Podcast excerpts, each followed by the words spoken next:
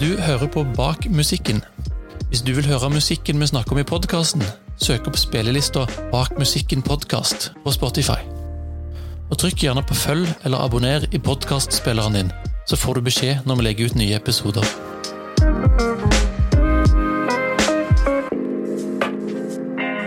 Ingeborg Walter, Hei! hei, velkommen. Tusen takk. Eller Ingeborg, kanskje er det nå. Det er jo egentlig offisielt det. Ja. Det er det som er artistnavnet mitt. Yes, og du er artist, og du er på Sony. Ja, Sony. Music Norway. Ja, ja. Herlig.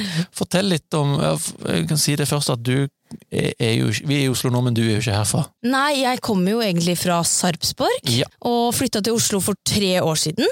Hvordan endte du her? Og det er en lang, eh, lang reise da, i løpet av tre år. Jeg flytta til Oslo fordi jeg skulle være med på Stjernekamp, som er et program på NRK. Og da skulle jeg egentlig bare bo her under sendingene. Så jeg var 20 år, flytta til Oslo, fikk leilighet av NRK, levde mitt beste liv. og, men så bare tok musikken meg, og jeg begynte å lage låter under Stjernekamp, og slapp min første låt rett etter det var ferdig. Ja. Så kom jo liksom spillejobber og diverse ting som gjorde at jeg flyttet permanent hit, da. Da hadde du med deg litt sånn musikk i bagen fra oppveksten og, og sånn, da. Hvordan, hvordan kom musikken inn i livet ditt? Mm, Jeg har alltid vært glad i å synge og stå på en scene, men jeg har også gjort veldig mye teater og musikalteater, og det var jo egentlig min opprinnelige plan, da, eller sånn hver gang noen spurte meg når jeg var liten hva vil du bli når du blir stor, som er et spørsmål man ofte får, så svarte jeg alltid at jeg, jeg ville bli musikalartist eller skuespiller. Ja, Det var målet. Ja, og det har jeg jo også uh, gjort, da. Jeg har jo hatt uh, store roller i, i Oslo, og oppsetninger i, i Kristiansand og sånn, men så har jeg også gjort musikken parallelt, og så har det bare tatt over til slutt og blitt min hovedjobb, da det jeg satser mest på. Fortell om livet som artist, signer på et plateselskap og skriver ting, spiller inn ting, fremfører ting. Hvordan, hvordan er det livet? Det er eh, først og fremst en hverdag som er veldig forskjellig. Jeg vil si at 80% av tiden brukes på å sitte bak en PC-skjerm og svare på mail, planlegge, eh, sette opp eh, strategi og ha møter. Ja, Og det er kanskje ikke noe man tenker på at er en stor del av jobben, men eh, det er i hvert fall sånn jeg har løst det. da, At jeg er veldig glad i å være eh, Ha en stor Eller skal ha noe jeg skulle sagt, jeg òg, da.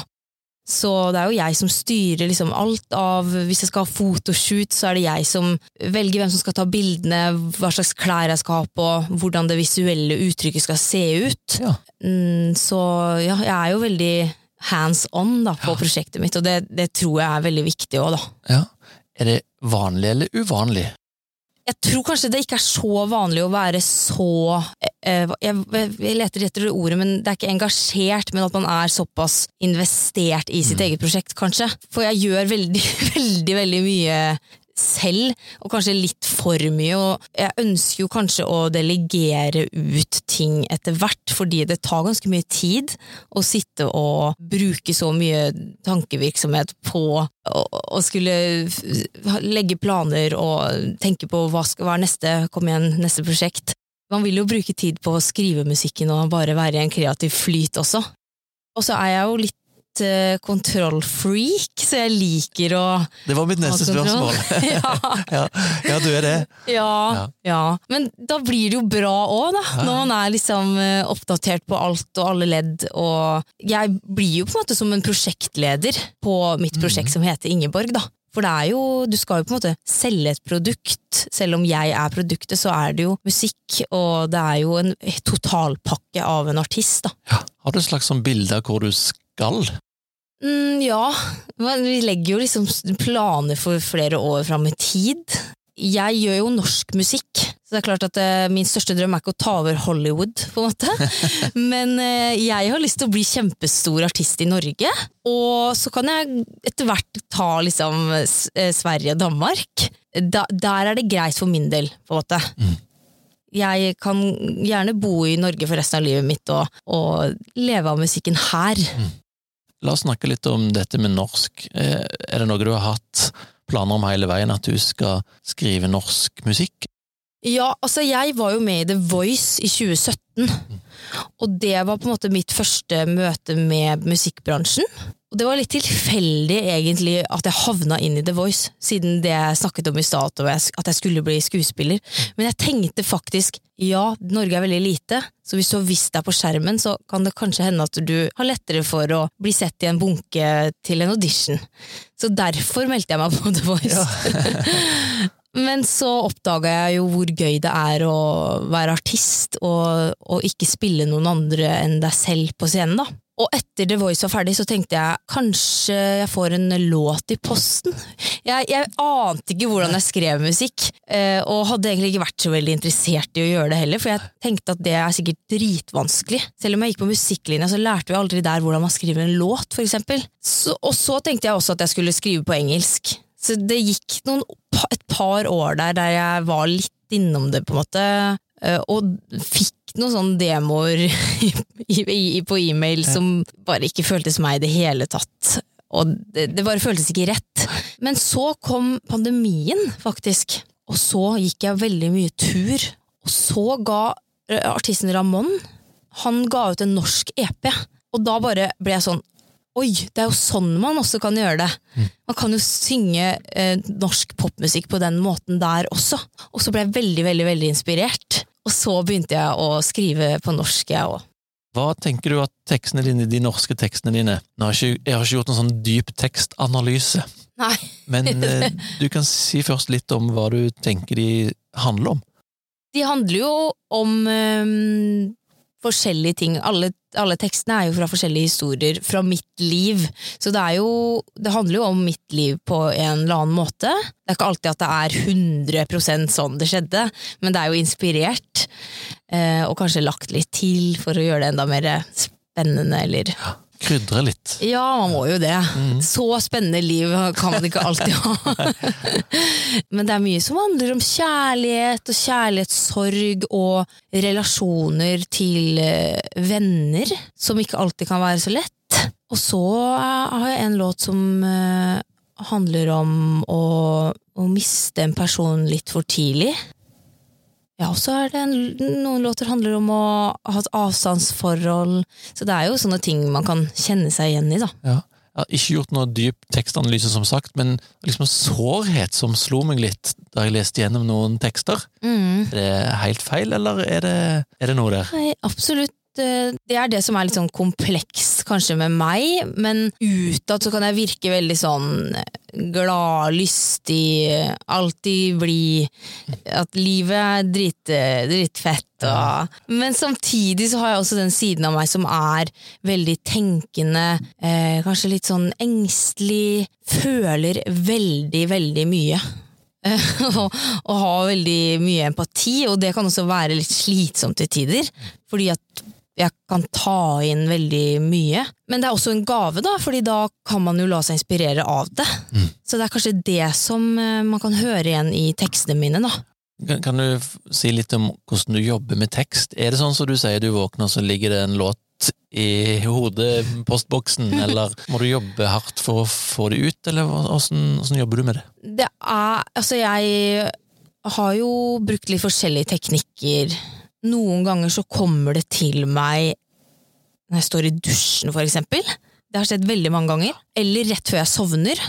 Og da må jeg bare ta opp mobilen og sette på rekk. Og det er noen ganger jeg tenker nei, men denne tekstlinja husker jeg til i morgen, så det er bare å sove videre.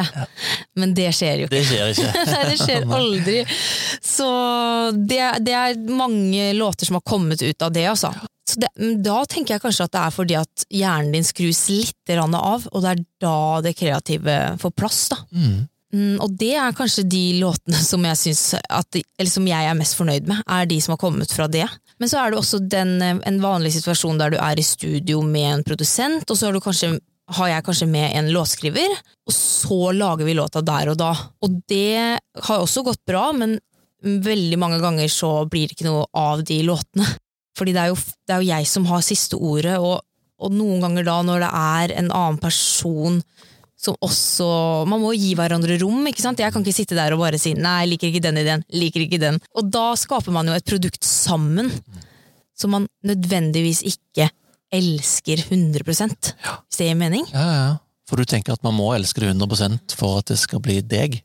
Ja, jeg gjør jo egentlig Jeg mener egentlig det, altså. Men samtidig så kan man jo bli overtalt hvis det er veldig mange som sier at dette er en dritbra låt, og så kanskje du føler det 70 da. Og så gjør du det likevel. Ja. Og så kan det gå bra, og så kan det gå ikke bra. Er det melodien som kommer først, eller eh, er det tekst ofte som, som det starter med? Det er alltid melodi. Alltid. Ja, og så Ofte hvis det er noe tekst Jeg har et notat, eller jeg har veldig mange notater på mobilen der det står sånn en tekstlinje her, en tekstlinje der, men det er aldri sånn at jeg har skrevet et helt refreng bare på tekst. Så jeg liker alltid å lage melodien først, og så kan du adde liksom teksten inn i det, da. Det betyr at hele melodi, alle linjene, alt er på en måte klar når du begynner å putte tekst på. Ja, egentlig, altså. Jeg kan ikke huske én gang at det har vært at jeg har skrevet noe som helst før melodien. Jeg liker ikke at teksten skal definere hvordan melodien blir. For jeg, jeg syns at det kan ødelegge litt, for min del, da, i min prosess. Du nevnte session med en låtskriver. Er det på en måte med en produsent òg, at man måtte ta ideen ganske langt ut når man jobber med den? Ofte så er det da eh, tre i rommet. Det er meg som er artisten, så er det en låtskriver som bare driver med det, og så er det produsenten da, som noen ganger er med på tekst, og noen ganger ikke. Det kommer litt an på hva den personen er komfortabel med. Og da lager vi ofte en demo, som er et førsteutkast av en låt, og helst så skal man da ha en demo i løpet av en dag da, som varer i seks til ni timer. Og da skal man jo ha eh, vers, refreng, vers, bridge, refreng kanskje, da. Ja. Du snakket i stad om at du har lyst til å ha en påvirkning på, påvirkning på det meste. Mm. Gjelder det òg sound og mix og lyd og alt mulig? Har du, er du der òg? Ja, jeg har jo noe som heter synestesi, og det er eh, en eh, Hva heter det? De kaller det en sanseforstyrrelse. Der Jeg vil jo ikke egentlig kalle det en forstyrrelse, da, men det er at eh, i hjernen så har mennesker liksom to nervebaner, der den ene hjernen eh, opplever syn, og den andre opplever følelser. Og når man har synestesi, så går de nervebanene litt for tett oppi hverandre. Så de har liksom blødd over i hverandre, heter det. Og da, når jeg hører en lyd, eller ser et tall, eller en bokstav, så føler jeg at det har en farge. Og det spiller da også inn i musikken. Så jeg kan føle at en låt er veldig, veldig, veldig blå, eller at den lyden er supergrønn. Og hvis det ikke passer sammen da, så kan jeg da si at nei, den føles så utrolig mørkeblå, vi må få den til å bli litt mer lysere blå. Ja. Og jeg har egentlig opplevd at uh, av å forklare det sånn, så funker det i andre enden, selv om den produsenten ikke har det samme som meg, da. Men ja, det er bare min måte å fargelegge det jeg føler på, da. Spennende. Ja. Hvor, hvor mye produserer du? Jeg produserer ingenting. Nei, men hvor, hvor mange låter oh, ja. eh, jobber du med, eller lager du, eller blir produsert, da? Ja, det er eh, Jeg har ikke tall på det, men det blir jo en del låter i løpet av et år, da. Mm. Og det er jo veldig mange låter som bare aldri blir noe av. Som ligger på min Mac og bare heter demo, Ja. demo 1, demo 2. Ja. Men eh, ja, hva skal jeg si da? Det blir kanskje fire-fem låter i måneden som er demoer. Så det blir nå en del. Det blir en del til Så kanskje gir man ut to låter per halvår, liksom. Men det koster jo veldig mye penger, vet du. Og det er jo ikke bare å smekke en låt ut på Spotify. Det skal jo, folk skal jo ha betalt, selvfølgelig. Mm. Hva med livespilling? Hvor viktig del er det av artistlivet? Det er jo den delen av artistlivet jeg syns er mest gøy. Er å spille live. Der føler jeg meg jo også veldig hjemme, fordi at jeg har drevet med musikalteater og teater hele livet. Gått på ungdomsteater eh, under hele oppveksten, og føler at det er der jeg er meg selv 100% og føler bare på en sånn lykkefølelse som man ikke finner noen andre steder. Det er jo liksom noe vi jobber med nå, å få kommet meg ut og spilt og møtt folk og fått få, få et livepublikum, fordi jeg ble jo artist under covid, eh, og da var det jo ikke mulighet for å gjøre noe sånt. Ja, det er en av mine store drømmer, å bare kunne turnere rundt og spille live hele tiden. Der er du liksom hjemme? Der føler jeg at det, det, Ofte så føler jeg at det var dette som var min purpose in life. Ja. Så mitt mål er jo å enda mer etablere hvem vil jeg være i livesegmentet. Ja, og også få folk til å føle at de har vært med på en reise, ikke bare vært og sett en artist som spiller låtene sine, og så drar du. Har du noen forbilder, er det noen du hører på som inspirerer deg til å holde på med dette her? Du nevnte Ramón, jeg vet ikke om du ser på han som forbilde, men Jo. for eksempel.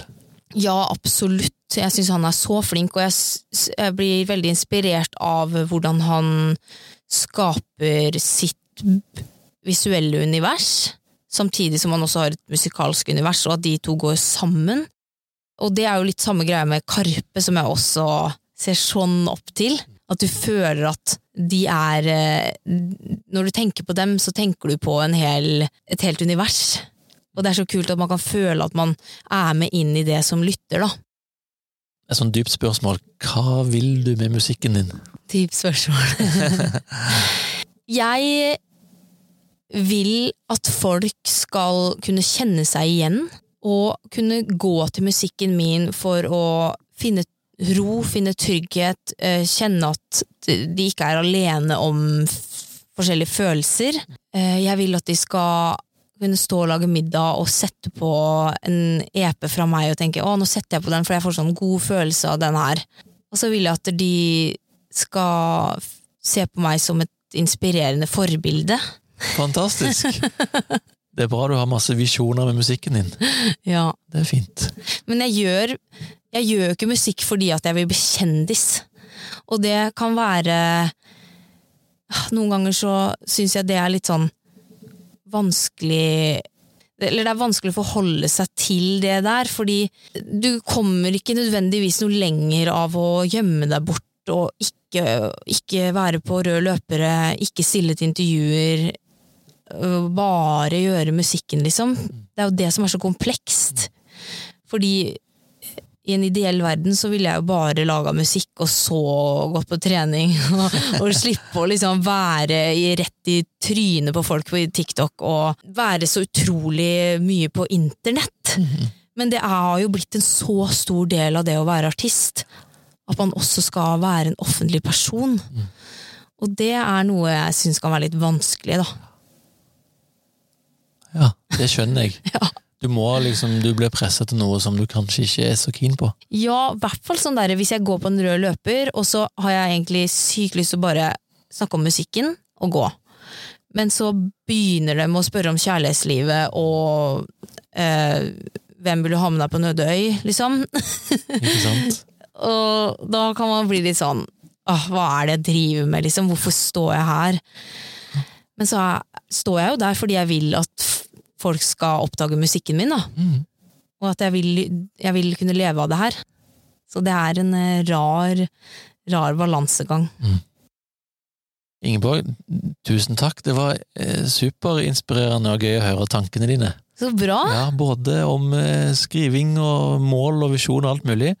Masse lykke til! Tusen hjertelig takk, og Stå- takk for meg. Stå på! Å, det skal jeg. Herlig. Du har hørt Bak musikken. Hvis du vil høre musikken vi snakker om i podkasten, søk opp spillelista Bak musikken podkast på Spotify. Og Trykk gjerne på følg eller abonner i podkastspilleren din, så får du beskjed når vi legger ut nye episoder.